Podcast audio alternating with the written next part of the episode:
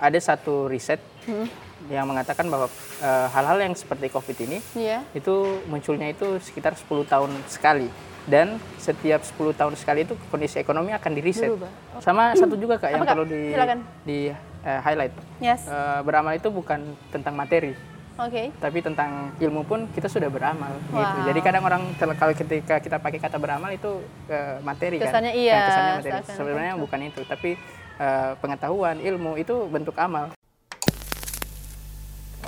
Assalamualaikum warahmatullahi wabarakatuh. Apa kabar sahabat Kriting? Semoga semuanya sehat walafiat ya. Oke, ngomongin soal usaha yang banyak tutup karena pandemi, tentunya banyak yang sepakat ya. Oke, do you agree?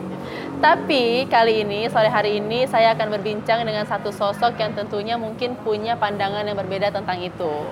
Jadi, eh, siapakah dia? Langsung aja bersama Agung Setiadi Nugroho. Assalamualaikum, Gung. Waalaikumsalam. Apa kabar? Alhamdulillah baik kak. Sehat? Alhamdulillah sehat sekali. Gimana kuliah akhirnya nih? Kuliah ya. Lancar? Alhamdulillah lancar. Di bidang apa? itu di bidang apa? Mau dibahas sekarang atau di akhir sesi? Jadi sekarang kuliahnya di bagian apa nih? Eh, Mendalami apa? Mendalami banyak sih. Kalau banyak. untuk untuk kuliah ya, Iya. untuk kuliah itu eh, orang tahu saya di informatika, Mhm. namun sebagian orang tahu saya juga di farmasi. Wow, jadi sebenarnya di mana? Nantikan terus ini nonton sampai akhir ya. Jangan lupa like, share, comment, and subscribe. Oke, sebelumnya ini terima kasih banyak ya Gung ya udah menyempatkan kesempatannya yang sangat sibuk eh, di sore hari ini tapi bisa ngobrol santai dengan Kriting gitu. Terutama menyediakan tempat juga nih Ah. dengan background yang luar biasa yang agak berbeda nih ya. Jadi eh, Gung, eh, saya pengen ngenalin Agung dulu ke sahabat Kriting. Ini sebenarnya Agung ini orang mana sih? Orang Gorontalo tapi kok nggak ada marganya? Oh, Atau gimana iya, nih iya. ceritanya? Silahkan. Oke, eh, jadi saya itu bapak itu eh, orang Jawa, Hmm. Oke. Jawa Timur, Hmm. tapi kakek itu eh, ikut transmigrasi. Oh, jadi transmigrasi eh, ke wilayah Poliwali Mandar. Jadi perbatasan antara Sulawesi apa? Selatan Oh, dengan iya. Sulawesi Barat. Barat, bener. Gitu. Nah, kalau ibu itu asli Gorontalo. Hmm, Begitu. Nah, jadi kalau kata ibu itu iya. eh, saya itu jago Jawa Gorontalo. Begitu istilahnya. Jadi itu kalau kata ibu. Eh, tapi eh, udah udah sangat nyaman itu ya di Gorontalo, Di dan Gorontalo dan dari bangga kecil. menjadi orang Gorontalo. Bangga sekali. Oke, good job. Jadi eh, yang saya tahu juga setelah hasil riset nih ya, ini memang teknologi entusias. Ya, ya. Suka mengikuti teknologi sih. Suka ya? Hanya sekedar suka atau benar-benar sudah menjadi passion? bisa dibilang passion kalau misalnya bicara teknologi Hmm. dari kecil itu suka otak atik karena ikut bapak kebetulan Oh, hobi bapak oke. juga itu Gitu otak ya. atik elektronik, Elektronik. terus eh, selalu update dengan informasi teknologi jadi Hmm. mau tidak mau ikut dan mungkin itu bakat alamiah juga karena karena secara alamiah dan Iya, mendarah betul. daging. Oke. Dan eh, Agung sendiri pernah ngembangin Om Bentor ya, aplikasi Om Bentor. Iya itu kemarin kebetulan kita punya eh, semacam coaching di kampus itu Oke. Eh, kita diminta untuk eh, mengemuka- mengemukakan ide-ide kita Hmm. kira-kira apa saja.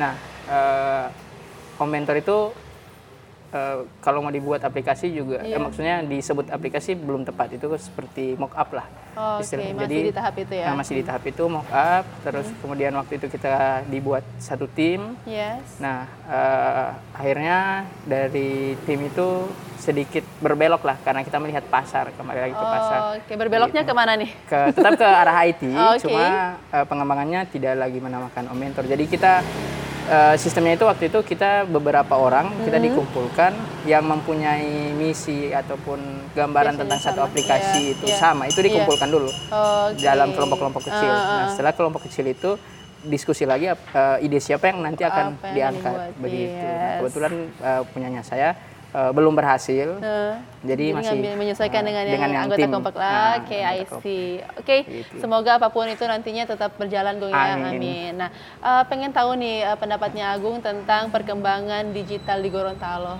Eh, Jujur.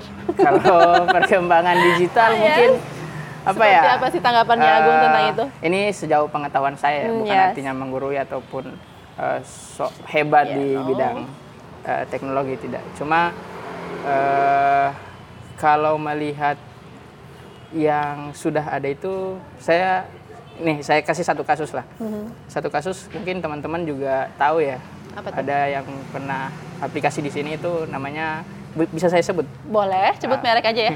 Kayak itu antar-antar itu. Oke. Nah, saya sempat cari beberapa informasi perihal uh, orang-orang di balik itu, artinya di mana mereka semua. begitu. Iya. Sementara ketika waktu itu pergunjingan antara uh, salah satu platform, Iya. mungkin ya kita tahu yang ijo-ijo lah, Heeh. yang ijo-ijo Iya. itu mau masuk di Gorontalo kan. Nah, Iya. saya salah satu orang yang wah tunggu dulu, Iya. kan di Gorontalo pernah ada yang namanya antar-antar itu tadi. Mm-mm.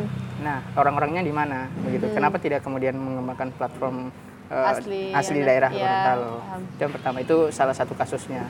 Nah, terus eh, yang saya lihat juga eh, saya pernah sharing dengan salah satu teman saya yang Hmm. ada yang kebetulan mendapat kesempatan kuliah di luar negeri. Oke. Dan terus saya Bidang tanya IT? bidang IT. Oke. Saya tanya eh, bagaimana pendapatmu tentang digital yang khususnya ada di Gorontalo? Mhm. Terus dia bilang eh, satu kata aja sih di Gorontalo ataupun di Indonesia Heeh. umumnya itu tidak tidak sesuai apa yang dibutuhkan pasar. Gitu. Oke, jadi Nggak- berkem- nggak- berkem- bisa dikatakan berkembang tapi tidak sesuai dengan pasar. Ah, jadi ter- Oke, terlalu Jadi nothing.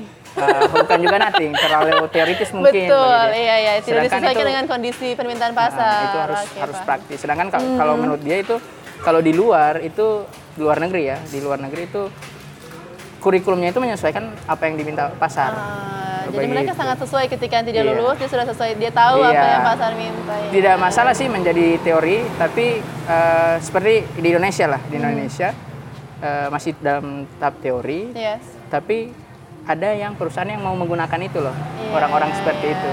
Jadi tapi tidak- kalau di tidak Gorontalo kan belum ada, ya. Iya.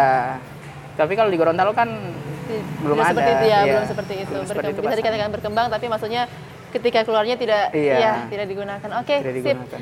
Yang saya tahu juga, Cela, yang saya tahu ya, padahal masih belum terlalu kenal juga. Ini eh, punya apa ya, mengembangkan juga dalam hal desain grafis Ah. dengan nama karyadarihati.com. Ah, iya. Oke, benarkah itu dan seperti apa itu? Saya mau diperkenalkan. Oke, eh ya be- betul sekali. Itu karya dari hati. Itu salah satu CV yang saya Udah bangun. berbentuk CV ya? Iya, sudah Wow, berbentuk. Jadi good sudah job. berbadan hukum. Itu dengan Boleh minjem kayaknya. boleh sekali kalau untuk keperluan. boleh boleh bareng ya Boleh. kalau seandainya ada nanti apa namanya eh, kerjasama mungkin dalam Boleh. bidang itu bisa Boleh. sama-sama oke Alhamdulillah kemarin kita juga ya dipercaya oleh beberapa eh, perusahaan Oh, perusahaan eh, anak perusahaan dari Telkom. ya Terus eh, beberapa kampanye yang dilakukan di Pekalongan oleh Iya. salah satu caleg yang ada di sana. Jadi kita mengcover eh, kampanye iya dan yang kalau yang Telkom itu kita membuat eh, website. Oke, jadi untuk politisi yang mungkin nonton atau calon-calon politisi teman-teman saya yang lagi nonton, kalau mau eh, bekerja sama dengan CV karya dari hati.com ya, Iya, itu nama CV CV-nya? CV karya dari hati. Oh, CV karya dari hati. Allah, kenapa memilih karya dari hati? Eh, itu Karena jadi emang karya dari hati. Iya, betul. Salah satu filosofinya Seriusan? itu. Oh, Iya. Oke. Salah satu karena begini, kita berbicara desain, kita berbicara eh, satu kreativitas itu kan namanya orang-orang kreatif apalagi nih creating ya. Hmm, Yes, creative thinking. Creative thinking itu tahulah ketika kita mengerjakan dengan hati, dengan tulus itu hasilnya maksimal begitu kan. Nah, itu jadi Hmm. salah satu filosofi dari kita gitu. Dan di situ menjabat sebagai chief finansial. Ya, itu alhamdulillah sih di- Jadi jangan-jangan punya ilmu accounting juga nih. Ah, untuk accounting mungkin Semua ilmu digarap sama si Agung ya.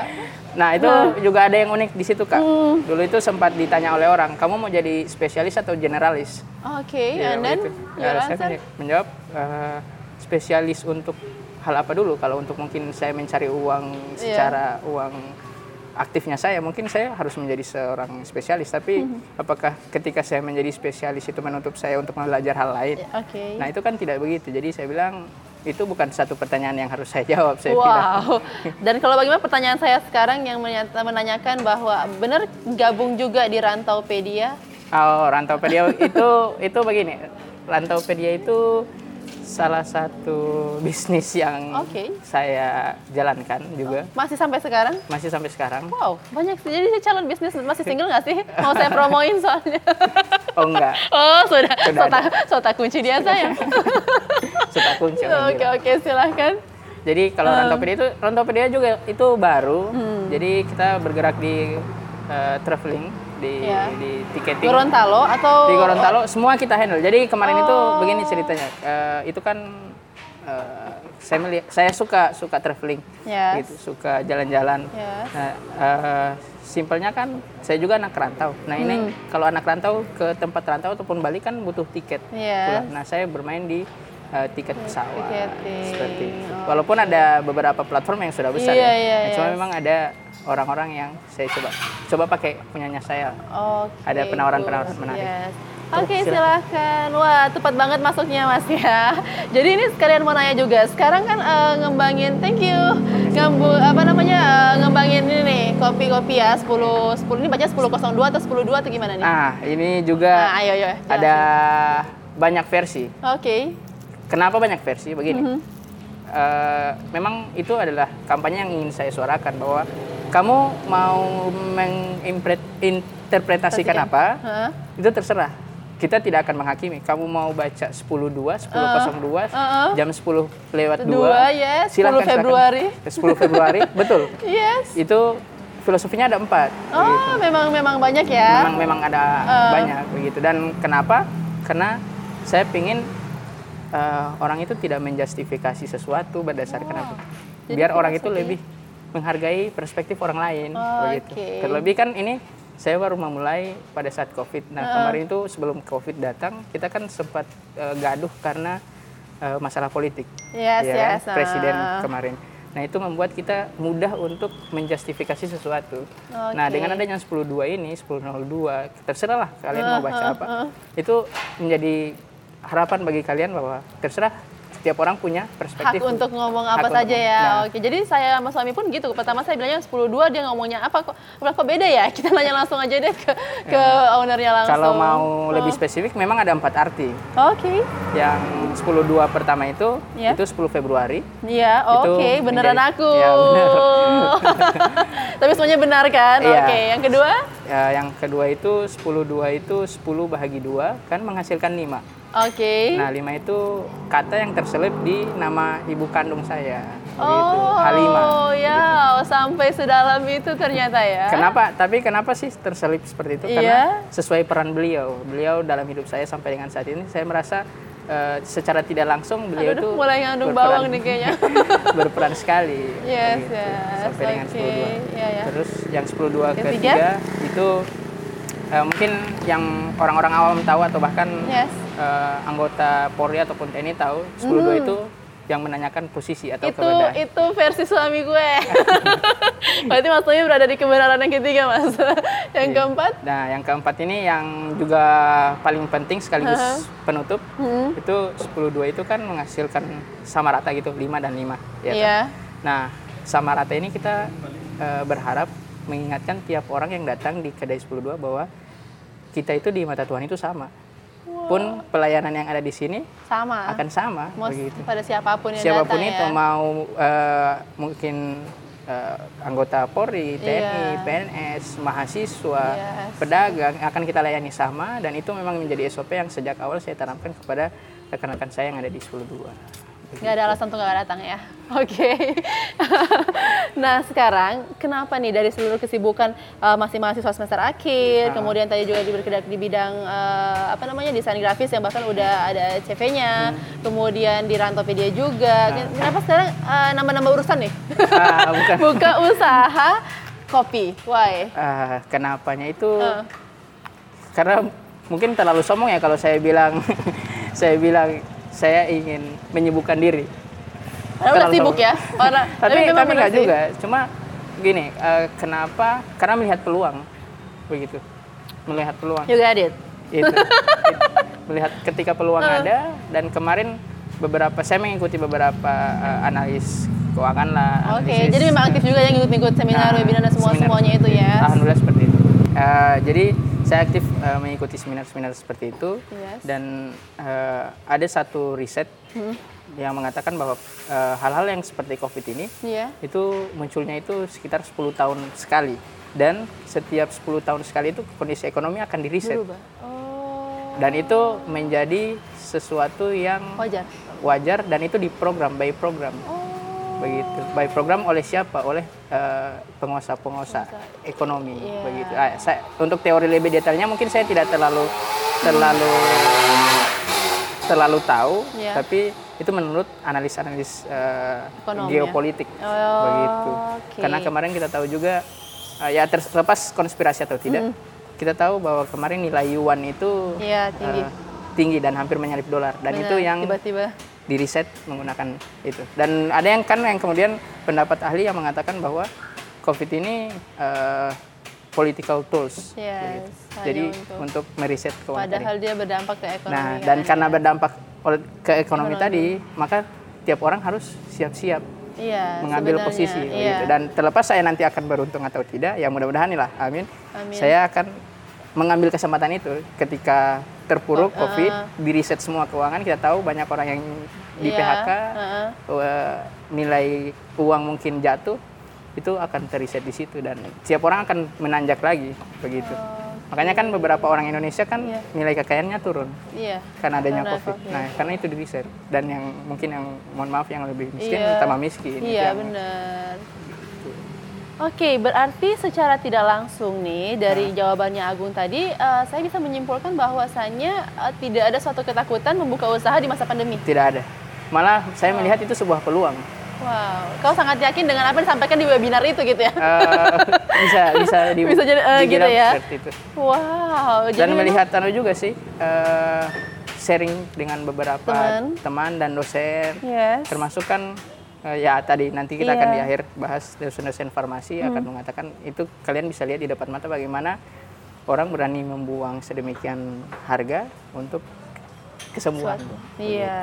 Dan itu masuk ke teori Hmm. eh, ekonomi itu tadi bagaimana orang akan tetap keluar rumah untuk mencari makan dan ketika dia stres dia akan tetap nongkrong dan itu dibuktikan. Bener itu- ya? Iya. Oke, Ya, begitu. berbicara tentang kopi tentunya sudah menjadi gaya hidup kan, lifestyle Iya. gitu ya. Nah sekarang pengen nanya nih ke Agung sendiri, eh, sudah berapa lama nih bergerak? Eh, Ini baru bulan? hari ini alhamdulillah kita tiga bulan. Wah, pas ulang tahunnya, eh, ulang, ulang bulan, ulang Ulang bulan. bulan. Jadi yang ketiga bulan bulan ini bagaimana yang Agung rasakan tentang eh, perkembangan kopi di Gorontalo, Eh. di, di Limboto ini sendiri, di tempat 102 sendiri gimana? Eh, kalau untuk perkembangan sendiri saya belum mau berbicara terlalu jauh Hmm. Aha, karena kita dalam- dalam tiga bulan inilah ya. Tiga bulan. Tapi respon pasar alhamdulillah eh, baik. Hmm. Teman-teman yang eh, khususnya pelaku-pelaku kopi di Limoto bilang wah akan ada tempat kopi baru, jadi ada opsi baru lah, Yes. ada pemain baru dan ya seperti itulah untuk Tidak itu. takut dengan kehadiran datangnya tempat-tempat kopi lain? Eh, itu sudah dianalisis sebelum saya Wow, you did a great job. karena Yes, dalam uh. radius kurang dari satu kilo saja kita punya beberapa saingan kopi ya. katakanlah udah udah udah di ini ya, Ah, udah sudah di, disurvey, di survei. tapi apa yang membuat kita beda ya lagi-lagi ke selera tiap orang beda tempat beda Mhm. Yes. suasana beda Wow. dan satu keyakinan saya adalah ketika kita mau berusaha insya Allah ada rezekinya kan begitu Setuju, level dewa. Oke, di sini Gung, aku baca nih ya. eh, di sini kan eh, apa namanya bekerja sama dengan eh, apa dengan konsep filantropi, Ah, yang mana bekerja sama dengan Yayasan Gorontalo Baik gitu. Itu apa sih yang mendorong Agung? Tapi sebelum belum pertanyaan mendorong, saya tanya dulu itu gimana konsepnya? Oke, jadi eh, filantropi itu Mhm. itulah saya bilang apa yang kemudian membuat tempat saya berbeda dengan tempat lain. Salah satunya saya menawarkan eh, perihal filantropi ini. Mhm. Nah, filantropi ini sendiri, eh, nah filantropi ini sendiri eh, konsep di mana tiap customer, tiap Iya. orang yang datang di sini mereka berhak untuk memarkup harganya, tergantung Berapapun itu, berapapun itu 10%, 20%, 50%. 100% terserah ya. terserah Eh, mau beli satu bayar dua juga eh, tidak nggak masalah. yes. Dan yang markup itu yang akan kita salurkan ke Yayasan Gorontalo Baik Indonesia. Oke, dan dan Begitu. selama tiga bulan ini ada? Ada. Nah, kebetulan kemarin eh, kami baru mendapatkan informasi Hmm. dari yayasan sana karena padatnya juga banyak donatur. Kita akan mendapat pelaporan per tiga bulan begitu. Terus Oke. jadi nanti dari pihak kita akan mempublikasi mungkin hari ini atau besok Iya. eh, perihal donasi yang tersampaikan ke mereka dan Berapa, digunakan untuk apa oh, itu. itu akan Iya, ada Jadi ya. untuk teman-teman yang eh, mau tahu lebih jauh soal filantropi boleh ya promosi ya kak. Iya boleh Nah, banget, filantropi silahkan. lebih lanjut Sini. itu eh, silahkan follow dulu IG-nya @kedai102. Nah, di situ nanti kita akan update-update juga perihal apa yang menu-menu baru di sini juga tentang donasi-donasi teman-teman itu sampai ke mana uh, di dialokasikan untuk apa begitu. Oke, jadi uh, selama tiga bulan ini mungkin belum ada infonya, tapi uh. secepatnya satu dua hari ini akan ada iya, ya. Betul. Itu berapa jumlah yang terkumpulkan dari 1002 dan iya. digunakan untuk apa itu akan ada. Iya. Oke, thank you so much Agung. Nah berbicara tentang motivasi yang mendorong itu kan tadi udah dijawab ya bahwa uh. dengan konsep 1002 ini sendiri gitu, uh. di mana memang ada yang berbeda dan uh. ingin berbagi seperti hmm. itu. Berarti ujung-ujungnya ini uh, beramal begitu ya. Uh. Sedangkan yang kita tahu bahwa di Gorontalo sendiri sudah ada konsep yang sejak dulu memang uh, menyongsong warung kopi amal seperti nah. itu ya. Nah, uh, apa yang membedakan uh, filan, konsep filantropi itu dengan konsep-konsep amal lainnya itu? Oke, okay. uh, kenapa kita menggunakan kata filantropi yes, di sini? Yes. Nah, uh, nah, mungkin belum familiar ya di yeah, kalangan Gorontalo sendiri ya. Yeah. Kalau mungkin teman-teman uh, pernah cari tahu tentang charity, tentang filantropi, tentang dermawan, apa sih yang bedanya? Uh, tipis sekali bedanya, tapi filantropi itu sederhananya dia sustain begitu berjangkanya eh, panjang. Jadi misalnya nih kasusnya orang bangun masjid misalnya, yes. tidak kemudian selesai ketika masjidnya berdiri, tidak. Hmm. Tapi bagaimana kemudian uh, mereka membina orang-orang yang memakmurkan masjid, orang-orang yang mengisi masjid seperti itu. Atau misalnya kita uh, kalau misalnya kita bicara agak ke, ke sosial, misalnya ada gerakan uh, anti korupsi. Hmm. Nah, yayasan yang bergerak di anti korupsi. Setelah kita buat, kita berkontribusi di sana, kita bagaimana turut ikut serta berperan dalam uh, membu membudayakan, uh. membudayakan dan menciptakan bibit-bibit anti korupsi itu bagaimana seperti itu atau misalnya perempuan begitu jadi sustain jauh ke depan ada follow up-nya lah tidak se silahkan tidak setelah uh, apa namanya setelah donasi tersampaikan kemudian kita sudah tidak ya. tidak tidak follow up lagi begitu. Oke, jadi uh, itulah yang membedakan ya bahwa uh, konsep beramal ini tidak tidak hanya stuck saat itu juga, tapi maksudnya bagaimana dia bisa terus lost lost ya, ya lost in time gitu ya. Dan itu kenapa pertimbangan kami memilih Yayasan Gorontalo Baik Indonesia. Karena Wah, saya juga oh, bisa sempat, bisa bisa sekalian promo Yayasan oh, Goroba nih. Karena saya sendiri sudah sudah meriset tentang uh, uh, Yayasan, Yayasan Gorontalo Baik Indonesia di bawah komando Karirin ya dan yes. suaminya. Sebenarnya kita semua berkeluarga ya. iya. satu satu ini ya uh, satu rumpun. Jadi yeah. saya melihat uh, bahwasanya gerakan mm yang Karirin buat ini sudah sudah jauh sejak dulu. Bahkan mm se sejak saya sendiri belum tahu perihal filantropi tentang yeah. uh, gerakan-gerakan kemanusiaan yeah. dan itu yang membuat saya uh, lebih memilih Gorontalo Baik Indonesia untuk saya ajak untuk jadi kenal Goroba dulu, kemudian open 102 atau kenal 102 dulu, kemudian oh, kenal Goroba atau gimana? Goroba dulu. Goroba dulu. Ah, Goroba dulu. Terus dari awal tuh memang udah kepikiran, wah nanti suatu saat kalau punya usaha pengen kerja sama ah atau seperti apa sih? Oh tidak, dulu memang kepikiran saya mau berusaha. Jadi inspirasinya dari mana? Ya. Yeah. karena saya kuliahnya di Jogja, yeah. ada satu tempat yang suka saya datangi di mana uh, ketika kita ngopi, kita makan di situ itu uh, kita ikut ya berdonasi itu tadi ber oh, memanusiakan manusia iya, kan. Iya, iya. Nah, sampai ada satu satu program yang mereka bikin iya.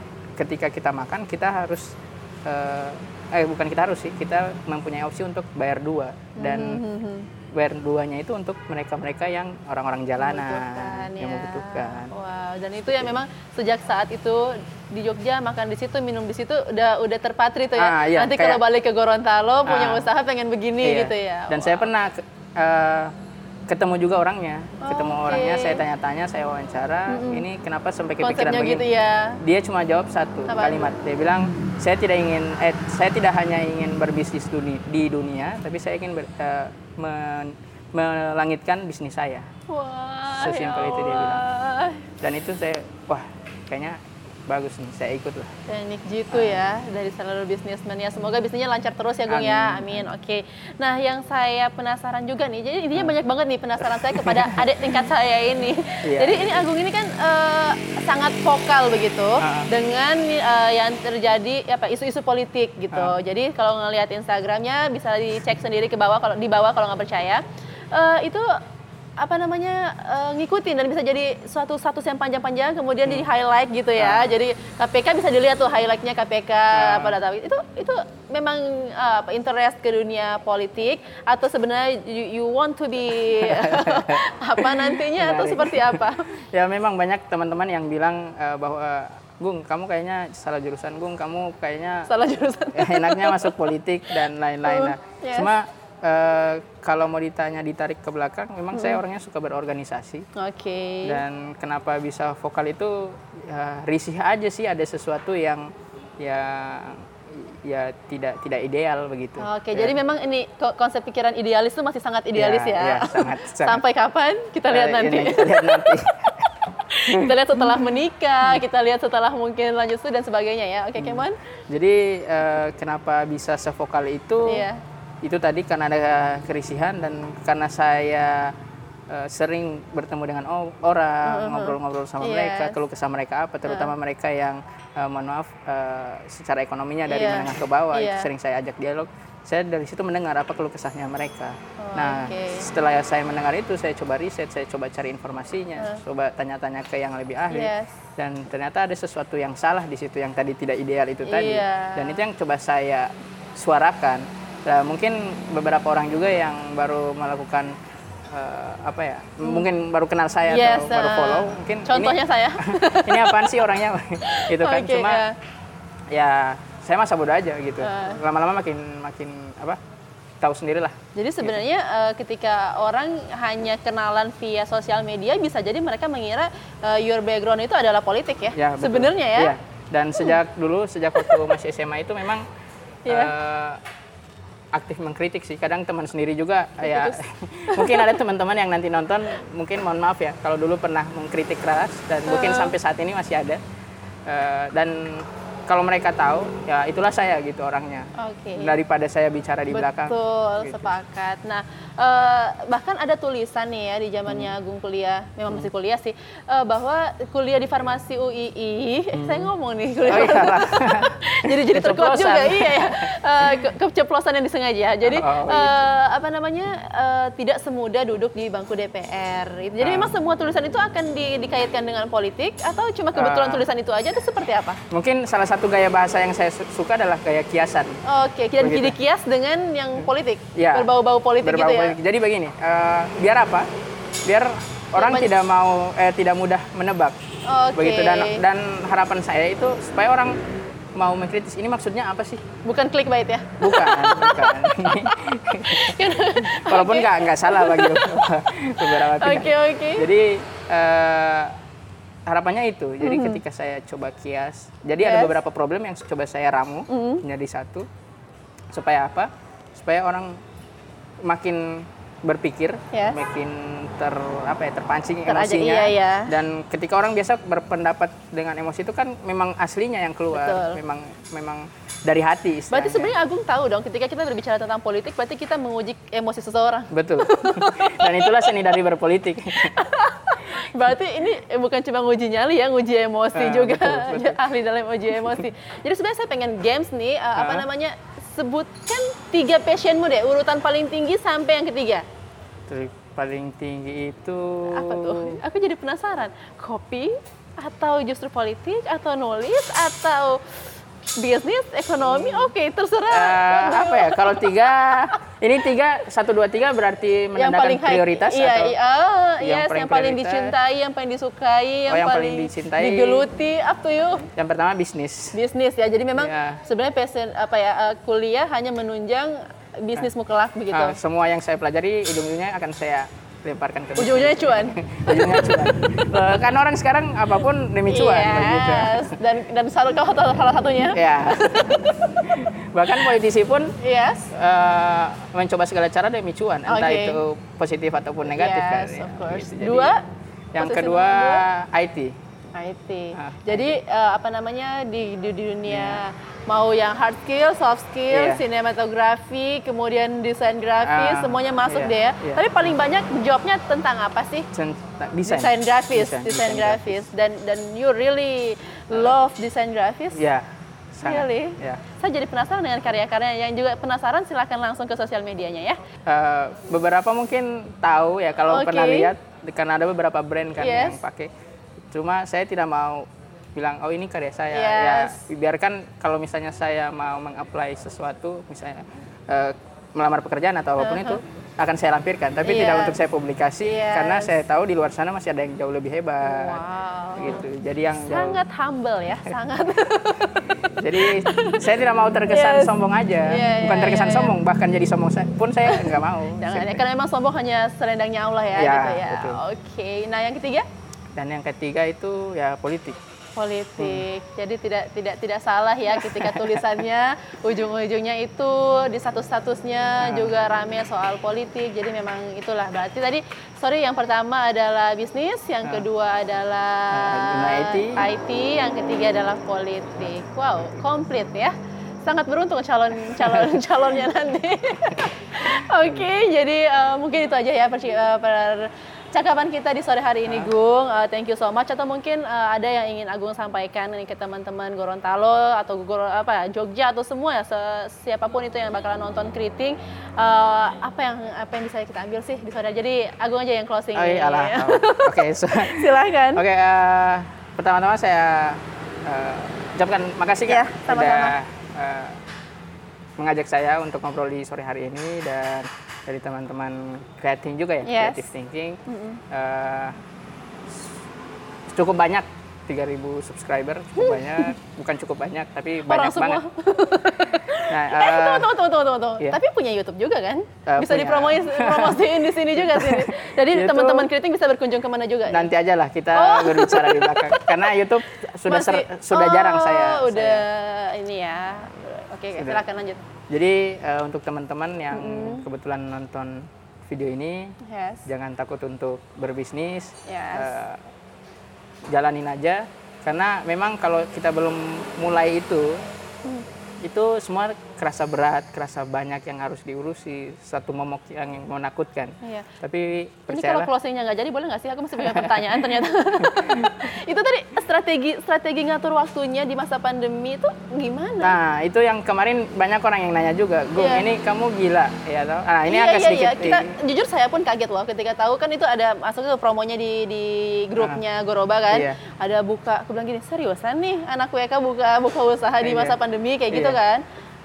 Let's explain it about it. Jadi kemarin memang orang tanya, Gung, kamu gila buka di masa Yes. pandemi ketika ekonomi lagi turun-turunnya, kamu malah bikin bisnis. Yes. Ya, aku eh, saya cuma jawab bilang ya kita nggak akan pernah tahu keberuntungan apa yang akan saya dapat. Wow, just try it ya. Ya, coba aja dulu. Kebetulan mempunyai sosok orang tua yang mendukung. Tapi cobanya pakai ilmu guys ya. Nah. dia, dia udah Iya. ngikutin berapa banyak analisis kan gitu Iya, ya. Oke alhamdulillahnya sih. seperti itu. Jadi eh, kenapa eh, bagaimana cara wak- atur waktunya? Kebetulan kan kita kalau kuliah kan online, Yes. jadi daring semua dan bagi waktunya eh, tinggal kuliahnya di pagi sampai dengan siang. Nah, sorenya saya mulai di sini kebetulan ada teman-teman Iya, saya yang bantuin. juga bantuin di sini, teman-teman barista. Itu eh, mereka dari dari sore sampai malam. Besoknya saya kuliah lagi, setelah itu sore. Jadi Gitu aja Iya. rut ya rutinitasnya Ah. udah udah terjadwal, Iya, udah kalau misalnya ada misalnya kayak job-job tadi Iya. desain itu bisa saya selip Ngerjainnya Eh. di sini apa di rumah? biasanya di rumah biasanya di, di sini juga Oke, kucingnya diurus nggak? ada Jadi nggak terganggu ya? tidak Oke. itu ada yang urus kebetulan Oh, dulu memang saya ya. yang urus Bersaudara berapa? dua Wow, sip. Oke oke. jadi itu eh, ini lanjut yang tadi Iya ya? ya, jangan Jadi, jangan takut untuk membuka bisnis Ah, meskipun jangan. pandemi and then eh, maju aja apalagi nggak perlu yang bicara besar-besar yes. bisnis yang besar-besar yang kecil-kecil aja dulu seenggaknya mulai dari soft skill yang kalian punya gitu. Gimana kalau nggak punya modal, Gung? Eh, siapa bilang nggak punya modal? Ilmu itu modal loh. Oke Gitu. ya. Saya- dulu saya mungkin nggak banyak yang tahu. Saya dibayar awalnya itu dengan soft skill yang saya punya, yang notabene baru saya belajar ketika SMA. Otodidak? Otodidak. kursus? Otodidak, semuanya otodidak. Wow. Bahkan eh, beberapa kali ya sesuatu yang baru saya pelajarin seminggu Yes. yang lalu, Uh. saya coba tawarin ke pasar dan mereka merespon itu dengan baik dan ya. mereka bayar itu selama kita mau belajar dan ujung-ujungnya ah ini yang penting juga ujung-ujungnya jangan target uang Oke, Ya, meskipun cuan itu penting, Ah, tapi penting. jangan jangan itu yang menjadi target Iya, begitu betul, ya. betul. Biarkan uang yang ngikutin kita. Betul. Oke. Karena kalau kita targetnya uang, ketika kita dapat, udah kita udah puas. Oke. Sesimpel itu. Tapi coba targetnya itu belajar dan mencari pengalaman. Kalau itu Oke. kita kayak jalan yang tanpa arah, tapi ada relnya. Jadi ketika sudah selesai dengan satu proyek, kita mau belajar lagi nih kurangnya Ya, betul. apa, kita update lagi iya, gitu kita ya. upgrade lagi, melihat yang lain, yang lain perkembangannya di mana. Oh, mereka ini buat seperti ini. Kira-kira mau buat begitu, caranya bagaimana? Gitu. Itu aja sih.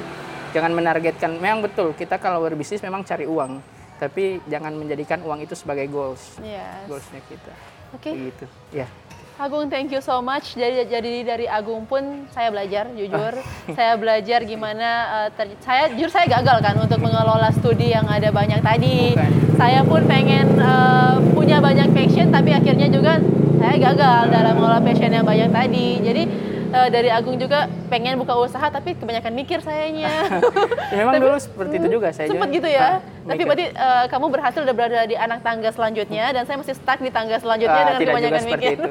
Tidak juga Tapi seperti itu. semoga siapa pun itu yang nonton bisa terinspirasi lah ya dengan Amin. perbincangan kita sore hari ini. Gimana anak muda bisa menjadi contoh nih dalam Hmm. buka bisnis di masa pandemi, tidak takut dengan uh, suatu kegagalan, Hmm. tapi mau belajar, tidak menjadikan uang sebagai goalsnya. Pokoknya intinya banyak banget yang bisa dipelajari dari Agung sendiri. Makasih banyak Agung Iya, atas waktunya. sama-sama, Saya pengen ini nih uh, sharing buat uh, kak ada ininya daftar menu, daftar apa namanya daftar? Oh, ada. uh, ada. Sayang mana sih ini? Aku sih pakai ini soalnya. Ada daftar Daftar ininya. Oke. Yes. Buat teman-teman yang lagi di Limboto maupun di kota terus mau main ke Limboto jangan lupa ini tempatnya paling paling paling apa ya gampang banget dicari deket sama rumah sakit Ainun Habibi. Jadi kalian bisa atau mungkin yang lagi di rumah sakit bisa sambil nungguin tuh ya bisa nungguinnya di sini aja. Lagi ajang sepak bola juga ngadain nobar kan ya? Iya, lagi nobar. oke di sini harganya sangat eh, apa ya ramah di kantong. Untuk harga mahasiswa, mahasiswa pun keren banget. Saya pribadi udah udah nyobain. Kalau yang ini hazelnut sebelumnya udah pernah nyobain yang taro coklat gitu udah pernah. Kalau Mas Tommy mah memang langganan. Meskipun dia masih mah aja tetap aja gitu mesen kopinya Agung gitu aku mau ke dinas syaratnya titip ya kopinya Agung aku bilang apa masih tutup dia kayak gitu ini bukan dari jam berapa sih Tidak, kita memang sore ya ah sore. jadi kalau aku Sore. siang-siang ke dinas itu belum buka Iya. jadi aku ada alasan tuh Sore. belum bukanya Berarti nanti, dia- kita harus buka dari pagi supaya dapat Iya, iya. kami dapat kopi betul. terus. Dia datang apa namanya eh, memang sangat apa ya wa- eh, wajar sih kalau jadi candu karena memang Hmm. kalian adalah eh, anak-anak muda yang terus belajar untuk bikin kopi, Nah. gimana caranya agar pelayanannya keren, attitude-nya, pelayanannya, pokoknya suka banget sama semua eh, 1002 ini teman-teman. Apalagi di sini tuh salah satu tempat teman-teman bisa ngopi sambil beramal, Iya. eh, nyenek sambil beramal gitu. Jadi Ber- eh, amalnya pun tidak ditentukan ya. Ya, sama satu juga kak yang Kak? perlu di Silakan. di eh, highlight. Yes. Eh, beramal itu bukan tentang materi, Oke. tapi tentang ilmu pun kita sudah beramal. Gitu. Wow. Jadi kadang orang kalau ketika kita pakai kata beramal itu eh, materi Kesannya kan. iya, Yang kesannya materi. Sebenarnya bukan itu, tapi eh, pengetahuan, ilmu itu bentuk amal. Makanya kemarin eh, Kak Tommy juga sempat Mhm. foto-foto di sini dan saya doakan itu menjadi satu amal jariah bagi Kak Tommy. Amin. Dan ke depannya di Oke. Kedai 10.2 akan ada postingan-postingan tentang foto-fotonya Kak Tommy. Oke, amin. Jadi di sini juga pas nanti mau bayar langsung eh, apa namanya konsepnya eh, terserah mau bayar normal boleh, tapi Ah. kalau saya mau pakai konsep filantropi tadi kan boleh, Boleh. silakan dilebihkan sendiri mau berapa tidak ditentukan, bebas untuk seluruh pengunjungnya. Intinya terima kasih atas amal jariahnya Agung sore hari ini. Oke, always think creative with creating. Thank you so much. Bye bye. Thank you ya Agung ya. Iya, sama-sama Kak.